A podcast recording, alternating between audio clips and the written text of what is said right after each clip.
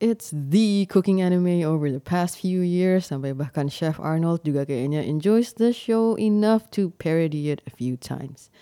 And it's almost always the reason why you're gonna get naked. Yeah, for food. Yeah, it's that anime.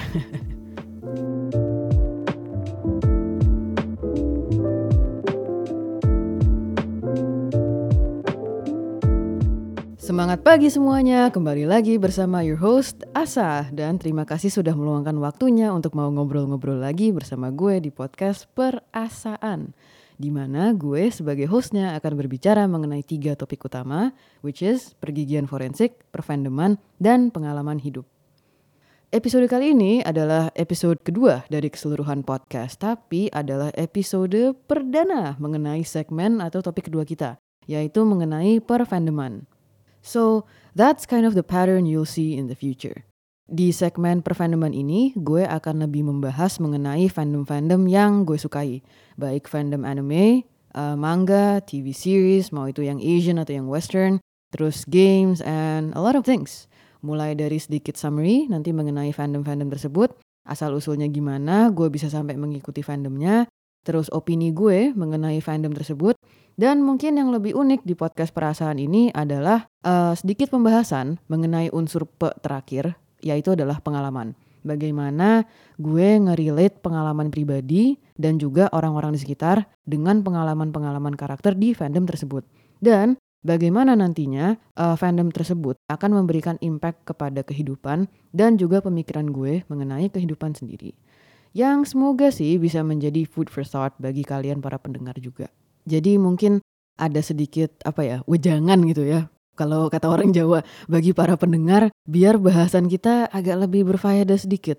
I mean, there's a lot of talks about fandoms in general, like theories and stuff like that. Tapi sebagai seorang Ravenclaw at heart, kan insting seorang Ravenclaw itu adalah untuk belajar. Jadi menurut gue, fandom itu selain sebagai sarana entertainment fiction, and always remember, it's fiction, it's not reality. Please remember that. Tapi kalau kita bisa approach itu dengan agak lebih objektif, jadi kita step back a bit and see it more objectively, menurut gue itu juga bisa jadi sebagai suatu pembelajaran. Dan kerennya sih seabsurd apa pun animenya itu, terkadang-kadang kita kayak masih bisa mengambil benang merahnya dan moralnya kadang-kadang juga bagus gitu. And at least that's for me. So, in this episode, gue mau menyentuh suatu fandom fandom manga sebenarnya. So it originated from a manga and then it became an anime. Yang tema utamanya adalah masak. Kenapa masak? Karena gue menyadari bahwa masak-memasak ini adalah fandom baru hampir semua orang sekitar setahun terakhir. Soalnya kayaknya tuh semenjak pandemi ini dimulai, sekitar setahun yang lalu ya, like sekitaran April, around now, is where shit started to get real. At least setahu gue di Indonesia that's where shit started to get real. Akhir Maret awal April gitu ya. And then semua orang yang working from home and learning from home including me itu kayak mulai mencari percikan api baru biar nggak jenuh. Dan gue menemukan suatu persamaan di sini. Everyone is suddenly cooking. Everyone is in the kitchen. Not just women. Men is entering the kitchen. Oh boy But jokes aside, they're spending more time in the kitchen karena they're spending all of their time at home. So nggak bisa disalahkan juga ya. Namanya juga masak pasti semua orang juga harus bisa masak. But like ingat masa-masa Dalgona Coffee lagi blooming, I mean booming. Terus kayak tiba-tiba ada transisi coffee shop kekinian bikin kopi-kopian satu liter. And then there's a lot of recipes about coffee and please ignore why I keep talking about coffee because I'm addicted to coffee. But like uh, banyak juga yang bikin usaha makanan baru kan and like coffee shops yang baru juga makin banyak sekarang ini. Oh it's so saturated right now. Mm. but uh, let people have fun. Jadi orang-orang mulai mencoba resep yang aneh-aneh. Cooking channel juga pada booming. Terus website-website tentang cooking juga booming. It's a good year for cooking. Like it's it's big. Everyone suddenly cooking. So gue gak tahu ini telat atau enggak, cuman gue jadi pengen ngobrol-ngobrol ke kalian tentang cooking show favorit gue. I mean, there's a lot of cooking animes and mangas out there, tapi entah kenapa ini yang paling nyantol di kepala gue. So, uh, akhirnya gue memutuskan untuk membahas itu. Lagi pula, gue juga mikir, let's just get this episode out there sebelum kalian yang berpuasa harus menahan nafsu makan dan khusus untuk fandom yang ini Mungkin karena ada alasan harus menahan nafsu yang satunya lagi, if you know what I mean. Well, jelas banget sih bahwa show tersebut bukanlah MasterChef. It's not the British Bake Off, but it is Food Wars, alias Shokugeki no Soma. Oh ya, sebelum itu gue akan memberikan warning dulu di awal, uh, karena episode kali ini nggak akan spoiler free. Gue akan menyebut beberapa karakter yang mungkin bakal muncul di season yang udah jauh. And I'm gonna talk about some plots yang di season-season jauh juga. Atau bahkan di season terakhir. Uh, and ya, yeah, jadi kalau kalian belum nonton, belum baca sampai akhir, baru di awal-awal doang, this is a word of warning for me. If you've consented to that, let's continue our chit-chat today. So, Food Wars atau title bahasa Jepangnya adalah Shokugeki no Soma adalah manga karya Tsukuda Yuto dan Saeki Shun. Tsukuda Yuto sebagai penulis dan Saeki Shun sebagai ilustratornya. Nah, cuman ada satu lagi nih yang jarang diomongin, yaitu adalah Morisaki Yuki. Uh, dia adalah seorang chef yang berperan sebagai kontributor dalam perihal masak-memasaknya. So, the cooking in the series is pretty legit karena memang ada konsultan yang seorang chef. That's pretty cool. Manga ini pertama kali terbit di Weekly Shonen Jump pada tahun 2012. Terus akhirnya dia tamat tahun 2019. Untuk anime, uh, season pertamanya itu ditayangkan tahun 2015 and then tahun lalu itu baru aja tamat di season 5 atau season terakhirnya tuh. So this story, it tells the tale about a teenager namanya Yukihira Soma. He is an aspiring chef dan dia ingin menjadi chef juga di masa depan nanti. But he wants to surpass his dad yaitu seorang chef yang keren banget, yang jago banget. Tapi uh, si ayahnya ini namanya Joichiro itu adalah pemilik family diner yang sangat terkenal di kota tempat tinggalnya. Family diner itu apa ya kearifan lokalnya ya warteg kali ya atau rumah makan. Ya itulah pokoknya ya. Anyways, si Joichiro ini mendadak dapat tawaran pekerjaan di luar negeri. Terus akhirnya dia tuh ngelempar si anaknya, si Soma, to go to a culinary school. Like a good dad.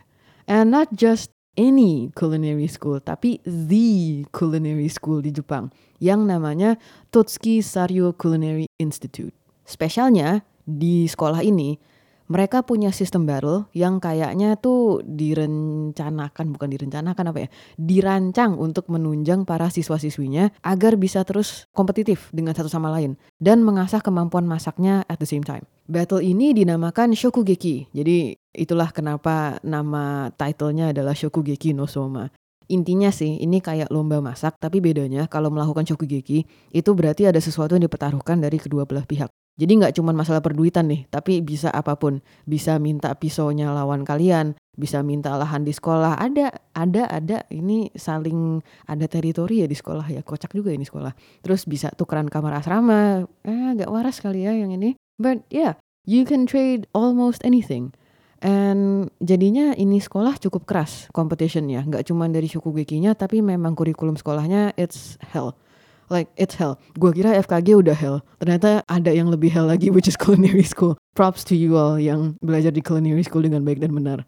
But anyways, si Soma in the end he enrolls in the school walaupun tadinya nggak mau. And then di sana he meets new friends, new people, and bahkan some enemies in the later seasons that eventually will lead him into a culinary and life journey toward becoming an astounding chef. Dan di saat yang bersamaan dia juga akhirnya mengajarkan dirinya dan teman-teman di sekitarnya menjadi pribadi yang lebih baik. Wih, tipikal shonen manga sebenarnya. Kalau udah self development and then like character development, I wanna be the very best that no one ever was. Um, gue pertama kali mengkonsumsi ini, mengkonsumsi.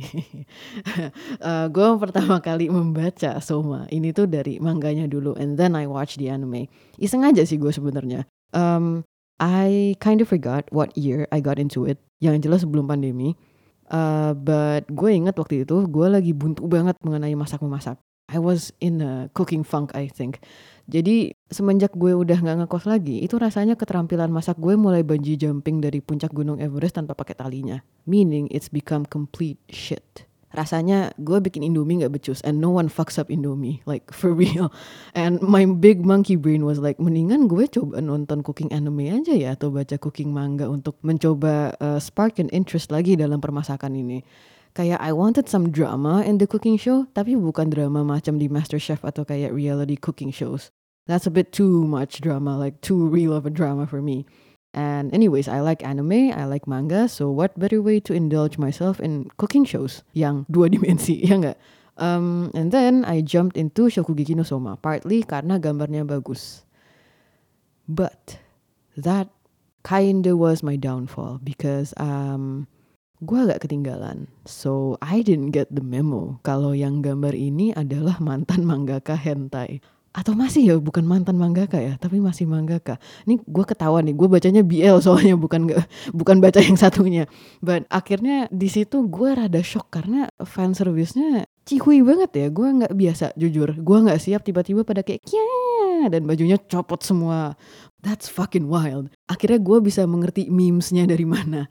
Um, at first it was so in the face karena gue nggak biasa itu tadi I keep repeating it. Gue nggak biasa dengan fan service yang kayak gini. I mean like um you can't really watch or read this in the living room juga. Out of context it would just be extremely weird. Bahkan teman-teman gue juga nggak berani baca atau nonton Shokugeki no di ruang tamu cause you know. Tapi at the very least gue agak seneng karena even though it's kinda no it's not kinda it's very fan servicey tapi uh, itu adil buat karakter cewek dan cowok. So are you in the mood to haus akan cewek? Oh, ya pasti banyak gitu kan. But are you in the mood for some men, muscular men, long-haired men, short-haired men, or even mm, the ultimate naked apron man? Bro, saya Kishun got your back.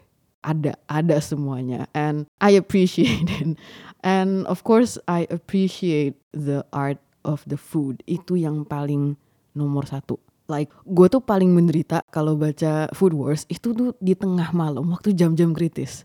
So gue tuh ngeset diri gue untuk nggak makan apa-apa lagi setelah jam 8 sampai 9 malam. It's a habit of mine udah dari lama. And oh boy, it's fucking hard to not snack on anything and to crave really weird foods di jam-jam ajaib itu. And they did a good job in actually describing and showing how fucking good the food is. Bahkan gila gue ngomongin Soma sekarang aja langsung kebayang banyak makanan jadi ngidam lagi. I hope like the mic doesn't pick up the stomach rumbling. and um, it got me really hooked because of that. Despite some of the scenes being pretty cheesy dan kadang-kadang ketebak, I mean um, shonen manga. Cuman asik aja sih lanjutin ya menurut gue. Jadi buat yang imannya kurang kuat, berhubung gambar makanannya bagus banget like it's so good dan beberapa adegan tanda kutip questionable para karakternya I kinda don't recommend reading this atau watching this pas lagi puasa. Makanya gue bikin episode ini sekarang nih sebelum puasa nih, like literally a week before puasa. Also, Food Wars ini menurut gue educational banget dari segi culinary. Gue belajar banyak banget tentang makanan dan teknik-teknik masak. Dari yang paling waras sampai yang out of the box. I learned a lot of things dari sini. Kayak misalnya gue baru tahu kalau jus nanas sama madu itu bisa dipakai buat uh, meat tenderizer karena kandungan enzim di dalamnya bisa nge-breakdown protein yang ada di daging. Like dude, that's really cool. And I learned that from Food Wars, a fucking anime. Damn, everyone's talking about the food gasms and the fan service, but this thing, this anime navigated me throughout my journey in the kitchen. Gua nggak ada, gua nggak nonton semua, mungkin nggak sejago ini dalam memasak. Mungkin lebay, but at least I feel that way. I got hooked to the series, like real bad. Sampai akhirnya gue bisa menyelesaikan manganya, like I speed run it. But um, mohon maaf untuk kalian yang suka arc terakhirnya with the underground chefs and the blue competition, I think that's like the weakest arc in the series. Alias, the whole season 5 of the anime is meh. It felt too rush. Dan kayaknya semangat mengenai makanannya agak apa ya, it kayak turun gitu loh. I mean it was okay, tapi it wasn't fuck that's good. Kayak yang di season-season sebelumnya. And I guess it's more unrealistic compared to the previous seasons. Because the appeal of Food Wars dari dulu menurut gue adalah banyak masakannya tuh bisa ditranslate dengan baik ke masakan sehari-harinya kita. Kayak ilmunya tuh bisa diterapkan. But like cutting chocolate with a fucking chainsaw, I mean, and then injecting stuff with a syringe. Um, ada sih, ada sih. Cuman gue bisa paham juga kalau ini fiksi. Like like I said, it is fiction, tapi it's quite out of this world. Soalnya I feel like from the start uh, take-nya si Soma adalah masakan-masakan yang masih rada masuk akal, tapi bisa diterapkan in the kitchen, like a real life kitchen. Even if you're a home cook atau emang chef yang professional. But my main issue, well, it is fiction, so I gotta suck it up kan. But again, my main issue is that it was kind of rushed, especially the anime. Kayak terlalu apa ya, pacingnya tuh cepet banget, sampai tidak bisa mengappreciate makanannya dengan dengan komprehensif gitu kayak di season-season awalnya. Padahal I like that. I like uh, them breaking down the food, breaking down the techniques gitu-gitu kan. It's really fun to watch.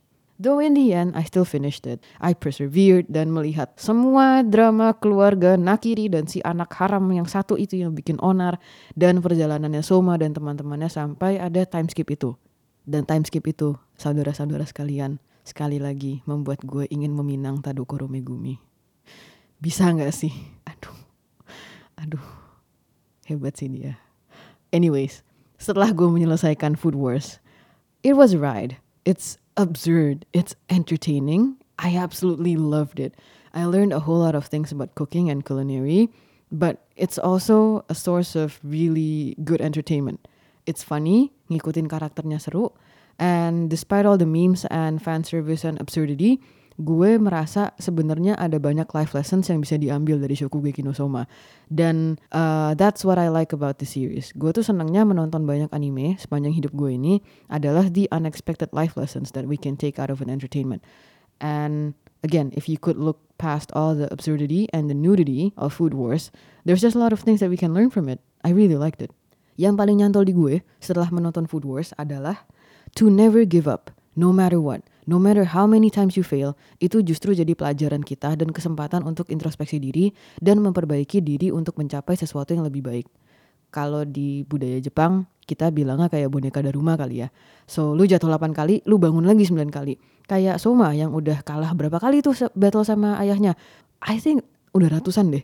Dia sama sekali gak patah semangat. Like, dude, wow, you gotta admire that trait about him. Uh, dan gak cuma Soma doang, tapi karakter lain juga. Misalnya Megumi, yang dimarahin terus sama yang itu loh, yang om-om yang di dekat pelabuhan itu karena gak becus-becus motong ikan yang gede itu, gue lupa namanya apa. Sampai pada akhirnya dia jago banget dan sampai direspek sama seluruh desa dia. Or at least like a vicinity of desanya dia. Damn, I don't think I can do that shit. Gue akuin aja. And that's why gue sangat mengadmire si Soma dan teman-temannya. And their passion in cooking. Like, these are passionate people out there And speaking of passion, ini mungkin juga suatu topik yang hot ya yang dibahas di dunia kita. Um, di Shokugeki no Soma ini kita bisa melihat bahwa hampir semua murid and also the staff di Totsuki Academy mereka punya passion terhadap masak. Like a burning, flaming hot Cheetos passion terhadap masak. Not just Soma, but everyone's spirit with their own niche. Misalnya, with traditional cuisine, as in like traditional Japanese cuisine ya. And then smoking, French cuisine, and then cooking with ingredients yang aneh-aneh kayak Rindo Senpai. They're amazing in their own respect. You can see and feel that they're so passionate in what they do and what they're interested in. Vibe-nya tuh kerasa banget. We can feel the fire from the screen. And that's great. Selain lo punya identity sendiri, that means that you have something that you're happy to do and indulge in. I guess surrounding yourself with people who have the same desire to improve dan punya interest yang sama kayak lu, it'll make you strive to be better. Lu punya sebuah inner desire yang sangat besar untuk melakukan sesuatu. In this case yang Shokugeki no Soma untuk memasak. Mereka mencintai profesi dan bidang ilmunya mereka. For me, itu salah satu alasan juga yang sangat bagus untuk memilih karir kalian. They're on the right path. Klisenya sih memang mengejar passion banyak orang yang bilang juga kalau oh mengejar passion itu bullshit atau mengejar passion itu hanya untuk orang-orang yang privilege.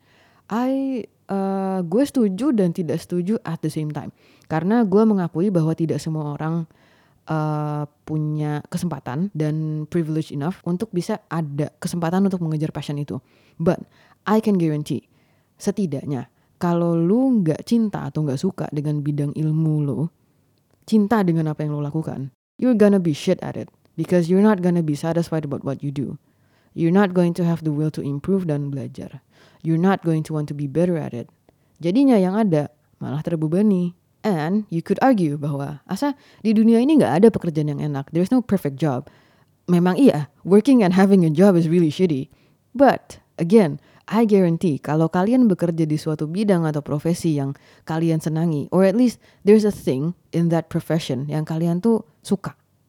Kalian pasti bakal ada hari-hari di mana you guys will dread waking up and do that job. But that love and interest you feel towards that one thing that you like to do di bidang ilmu atau keterampilan kalian, entah itu hobi kalian mungkin juga, itulah yang akan menyemangati kalian and will make it somewhat bearable for you. And that is so much better than a job that you guys hate to do, like like a hundred percent hate to do. Kenapa gue bilang begini? Because I've gone through that phase as well. Dan gue melihat contoh-contoh nyata juga di sekitar gue. Gue melihat kalau orang-orang yang memang mencintai apa yang mereka lakukan, the amount of effort and detailed work they put in their job is amazing it's out of this world. Sementara ada lagi yang ngerjainnya setengah-setengah. Mungkin uh, misalnya secara hierarkial posisi mereka tinggi atau misalnya mereka udah uh, merintis karir tinggi banget. Cuman their heart is not there. Itu kadang-kadang kelihatan apalagi kalau udah seni ya. Mungkin uh, karena background gue FKG, nah ini gue ngeliatnya dari sudut pandang FKG itu kelihatan banget. Maybe di tempat-tempat lain dan di bidang ilmu lain itu juga lebih kelihatan. But It happens. And I think mentalitas never give up-nya Soma dan teman-temannya ini karena mereka begitu passionate about masak. Yang gue juga suka adalah meskipun passion mereka mengenai makanan dan memasak, tapi pekerjaan yang mereka bisa lakukan setelah lulus itu nggak sebatas jadi chef doang. And this goes for a lot of things. Nggak cuman di animenya, tapi juga sebenarnya kalau gue pikir-pikir di dunia asli juga gitu kita ditunjukkan bahwa lulus dari sekolah kuliner, which is in the case of Totsuki Academy, itu bisa berkecimpung di dunia perhotelan. Terus mereka juga bisa fokus pada suatu ingredients dan jadi supplier yang sangat memahami mengenai bahan tersebut. Terus juga bisa jadi pemilik restoran. Nah itu nggak cuma jadi chef aja. They open their horizons and they learn about a lot of things. Maybe outside of their comfort zone. Tapi ujung-ujungnya mereka kembali lagi. Karena at the end of the day, it stems from their love of food. So what I'm trying to say is, satu passion itu jalannya banyak. Maksudnya, there are different ways to pursue your passion and also to make it into your job if you want to. Dan gue rasa dengan era digital kayak sekarang, dan dengan work from home and like kondisi yang lagi kayak gini, kayaknya career shifting itu juga lagi banyak. And I think this may be your chance to explore and to ask yourself again about your passion, your hobbies, the things that you like, and stuff like that. Makanya kalau ada saudara-saudara gue nih atau kenalan gue yang mereka lagi galau kuliah, itu uh, gara-gara Soma, gue jadi mengubah pertanyaan gue ke mereka. Dulunya gue biasa bertanya, kamu emang maunya masuk jurusan apa? Atau kamu jagonya mata pelajaran apa? Pada akhirnya, gue menyadari bahwa itu bukanlah pertanyaan yang tepat untuk ditanya. Gue mengganti jadinya, kamu sukanya apa? Kamu sukanya ngapain? What is it that you want to achieve in life? Can you imagine doing something as a job and be happy about it? Those are the things that I ask. Mungkin ini pertanyaan yang extra deep buat anak-anak yang berumur 17 sampai 18 tahun. And maybe it's also a deep uh, thought buat orang-orang yang seumuran gue, so around like mid 20s ya. But I think it's necessary to think about. Misalnya nih, kalau di kejadian sehari-hari gue. Biasanya orang curhat ke gue pengen masuk FK kalau nggak masuk FKG. Gue akan selalu tanya dulu ke mereka, kamu kenapa mau masuk ke dokteran? What do you want to achieve lewat masuk ke dokteran? Kalau ternyata jawaban mereka adalah karena mereka jago biologi waktu SMA, I will reality check the hell out of that person. Karena gue tahu first hand bahwa kedokteran dan kedokteran gigi itu susah dan berat banget, bikin lelah hidup. Like you just wanna get out of there. Tapi kalau jawaban mereka adalah karena ingin membantu orang sakit, now we're getting somewhere. Gue bakal mengerucutkan lagi. Karena ada banyak orang yang mau membantu orang dan ada banyak cara membantu orang sakit. Gak cuma jadi dokter. Dan bahkan gak cuma jadi dokter umum misalnya. Gak cuma jadi dokter gigi. Kalian sebenarnya juga bisa jadi perawat. Kalau perawat itu kan uh, dia tidak hanya membantu orang sakit tapi juga bantu meringankan pekerjaan para dokter. Atau misalnya uh, kalian lebih suka di balik layar. Terus kalian ternyata lebih suka dealing with chemicals and biochemistry. Ada jalur menjadi apoteker, bisa juga. Atau mungkin bisa ke psikologi bahkan. Itu kan juga sebenarnya uh, membantu orang sakit, tapi secara mentally, bukan secara fisik. But at the end of the day, tetap membantu orang yang lagi susah. Nah di situ sisa mereka aja yang menggali lagi mereka lebih minat ke mana, terus mereka siap commit ke mana, and etc etc. But again, at the end of the day, kembali lagi ke Shokugi no Soma, it stems from their will, their love for food, not necessarily cooking, tapi food in general. Misalnya, kita coba ambil contoh si Erina. Kita tahu bahwa dia berbakat dalam memasak, tapi does she enjoy it? Is she passionate about it? Dia menjunjung tinggi perfection tapi atas dasar apa? Makanannya tuh enak banget. I am 100% sure. Tapi jiwanya kayak kurang kelihatan. Dan beberapa karakter di Shokugeki no Soma mungkin sudah menyadari. Apalagi si Soma jiwanya Erina di dalam makanannya kurang kelihatan. Cintanya tuh kurang kerasa. Dan jadinya dia juga nggak terlalu enjoy because she's taking it far too seriously. She's not enjoying it. Tapi pada akhirnya saat dia sudah lepas dari ayahnya she found a new spirit. So if your passion is there in the first place, at least you you have an interest in it and you've lost your way, the people that share the same passion as you will help you get your way back. Buat Erina, it was her new friends that ignited that love and passion for food again. Pada akhirnya ini juga yang membuat Erina semakin jago dalam memasak. But what's most important is that she enjoys what she does. Terus dia juga akhirnya bisa puas mengenai masakannya. Ini juga penting nih. Ketika kalian enjoy sesuatu, kalian cinta dengan apa yang kalian lakukan, kalian bisa puas dengan hasil kerjaan kalian. Jadi nggak cuman karena perfection aja, you can appreciate the imperfection behind that. Jadi the imperfect is perfect for you. Kalian puas dengan kerjaan kalian. If you don't like it, you're not gonna like what you do.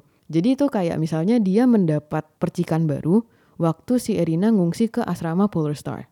Anak-anak ini, they're a new species buat Erina Meski anak-anaknya nggak sejago Erina dalam memasak, tapi they like cooking and they support each other. So even though kreasi mereka itu fail, flavor profilnya agak clash and it's so absurd, but they enjoy exploring it.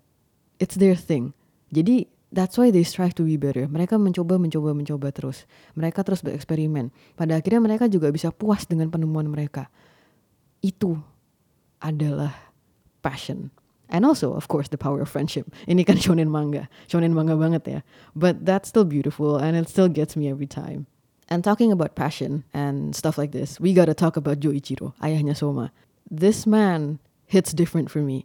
Dia juga jenius kayak Irina, tapi bedanya waktu dia sekolah, he actually loved food and cooking. Agak beda dikit sama Irina.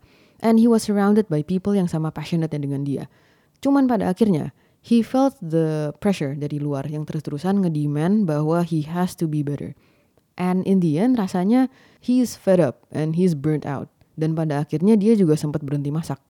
Gue juga sakit hati pas di bagian Joichiro ceritanya lagi mempresentasikan makanannya dia kan di depan orang-orang yang like the higher ups and stuff. Dia lagi ngejelasin tentang ingredientsnya dan juga masakannya like you can feel like he's so into it tapi tiba-tiba disela sama salah satu orang yang nyobain makanan dia with like wah di ke depannya kamu mau bikin apa lagi that's kind of oof akhirnya di situ gue mulai menyadari bahwa dia sedang burn out dan bener aja ditunjukin bahwa emang dia lagi burn out and this shit happens to a lot of people in real life kalau dalam konteksnya Joichiro mungkin agak lebih diperparah karena pada saat itu menjadi chef juga termasuk pekerjaannya because his passion become his job. And I think this is the pitfall of doing what you love as your job.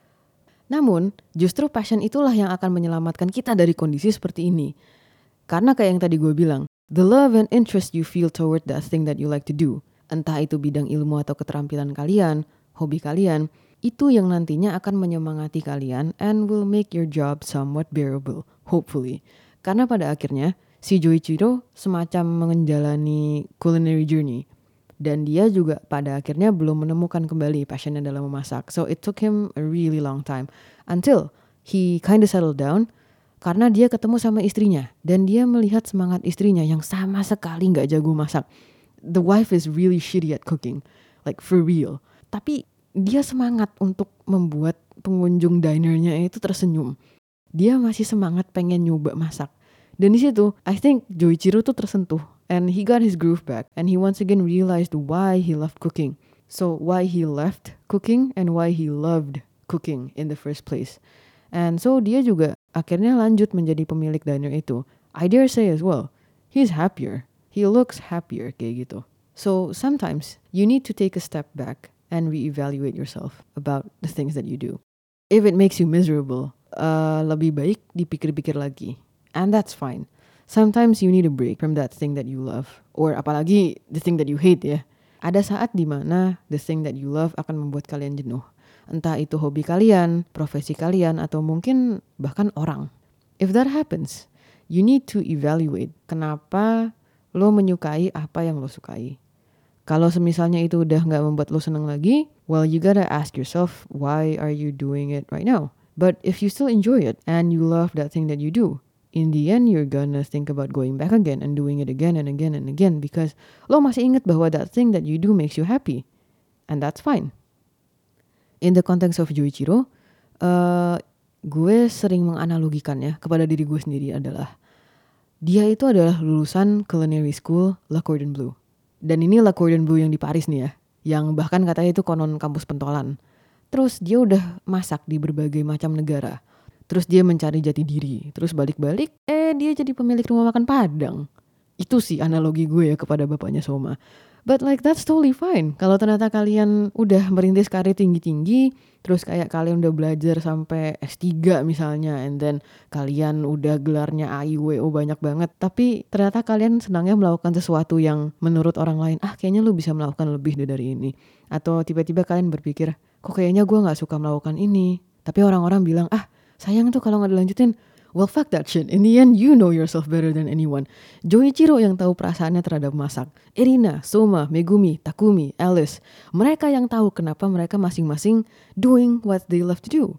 Yang lain tuh nggak tahu kisah hidup dan struggle lo. So do what you want, do what you need to do. And paling utama, keep doing what you're passionate about. That's your life. Itu adalah api di dalam diri lu. That's what's keeping you alive. If you love doing it, then do it unless melanggar hukum atau moral ya. Kalau itu mah jangan dilanjutin. But other than that, fucking go for it. Terus at a certain point kalau ngelihat dunia beneran dan kita lihat contohnya di anime ini adalah Juichiro, kadang-kadang emang omongan orang dan faktor eksternal itu yang jadi pemberat sih. Like there is this expectation from others that you need to achieve more. You need to be that, you need to be this. But again, you're the one who knows yourself the best. Because kayak Juichiro, orang-orang pada ngomongin dia kayak, oh itu si Saiba cabut tuh dari Totsuki abis itu ngilang. Abis itu pas dia udah jadi uh, pemilik dinernya, eh sayang banget tuh kok dia cuma kerja di diner kecil doang padahal skill dia tinggi banget. But he's happy. And in the end he got his groove back. And he realized that he does love cooking. And he found the reason for cooking again. Slow and steady, he came back again. Dia lanjut kerja di diner itu, dia kembali bekerja menjadi chef, dia berpenghasilan lagi, and he's happy. He is happy. And he enjoys what he does. Karena gue cukup tersentil ketika ada line, when was the last time you were happy when you cooked? Itu kalau nggak salah pertanyaannya Gin kepada Juichiro di salah satu episode tentang masa lalunya dia. And that hit kinda hard. Actually, it hit really hard for me. And I think that's something that we need to ask ourselves entah about our hobbies, our passion. And I'm also gonna ask this to you guys. What do you like to do in this life? What is your passion? Can you turn that passion into your profession? If no, bagaimana cara kalian menyalurkan passion tersebut? Kalau ternyata pekerjaan atau profesi kalian sejalan dengan apa yang kalian suka, how does it affect your work? Atau kebalikannya, kalau ternyata pekerjaan atau profesi kalian tidak sejalan dengan apa yang kalian suka, How does it affect your work? How does it affect how you feel about your work? And that's where I will end that episode. Wow, jujur aja Food Wars ini satu series yang mengaduk-aduk emosi gue banget. Kadang lucu banget, kadang absurd banget, kadang bikin gue bingung and like what the fuck. But then it's like this, bikin mikir karena menyentuh dan makes me contemplate about life kayak yang gue sampaikan through the whole of the podcast. Um, do I recommend Food Wars to anyone? Yes, very much so. Kalaupun kalian gak suka masak, this is still a fun anime to watch. Kalau kalian suka masak, all the more reason you should watch it. Karena selain emang cooking theory-nya keren banget, dijelasin dengan cukup detail, uh, karakternya juga menarik they came from different backgrounds dengan personality yang juga pretty quirky Uh, but then you get this character development for almost all of the characters, apalagi pas habis time skip tuh. Dan terutama bagi kalian yang sudah remaja ya, atau mungkin I dare say yang sudah 17 ke atas, because the nature of this um, manga and anime is kind of like this. Please don't ask an elementary school kid to watch this. As educational as it is tentang cooking dan moral ceritanya kalau diserap dengan lebih baik, well, you know, the fan service. Also, before I end this episode for real, gue mau ngerekomend satu YouTube channel namanya Chef PK, PK, Chef PK di YouTube. Dia keren banget. Dia adalah chef di Amerika yang sudah bekerja 10 tahun lebih di bidang ini and dia suka banget sama Food Wars. And he even has a playlist about him watching all the episodes of Food Wars dan ngomentarin tentang the culinary stuff. It's super fun uh, hearing it inside of a professional mengenai topik yang emang dia pahami dan dia cintai and he's so passionate about. So gue ngerasa vibe-nya tuh mirip-mirip gitu sama ngelihat dia dan ngelihat Soma. Dan dia sendiri juga ngaku dia dulu sempat kayak gue nggak bisa bilang dia kayak Juichiro, but gue inget dia bilang uh, he had a cooking funk. Terus abis itu tiba-tiba dia habis menemukan Shokugeki no Soma, his uh, passion dan api dia untuk memasak tiba-tiba nyala lagi. And I appreciate that. Jadi kayak contoh nyata bahwa kalau lu memang suka sama sesuatu itu sampai akhir lu akan kejar itu terus kayak Soma dan memasak. Jangan lupa pakai masker, jangan lupa cuci tangan. Sampai jumpa di episode berikutnya. Semangat pagi semuanya.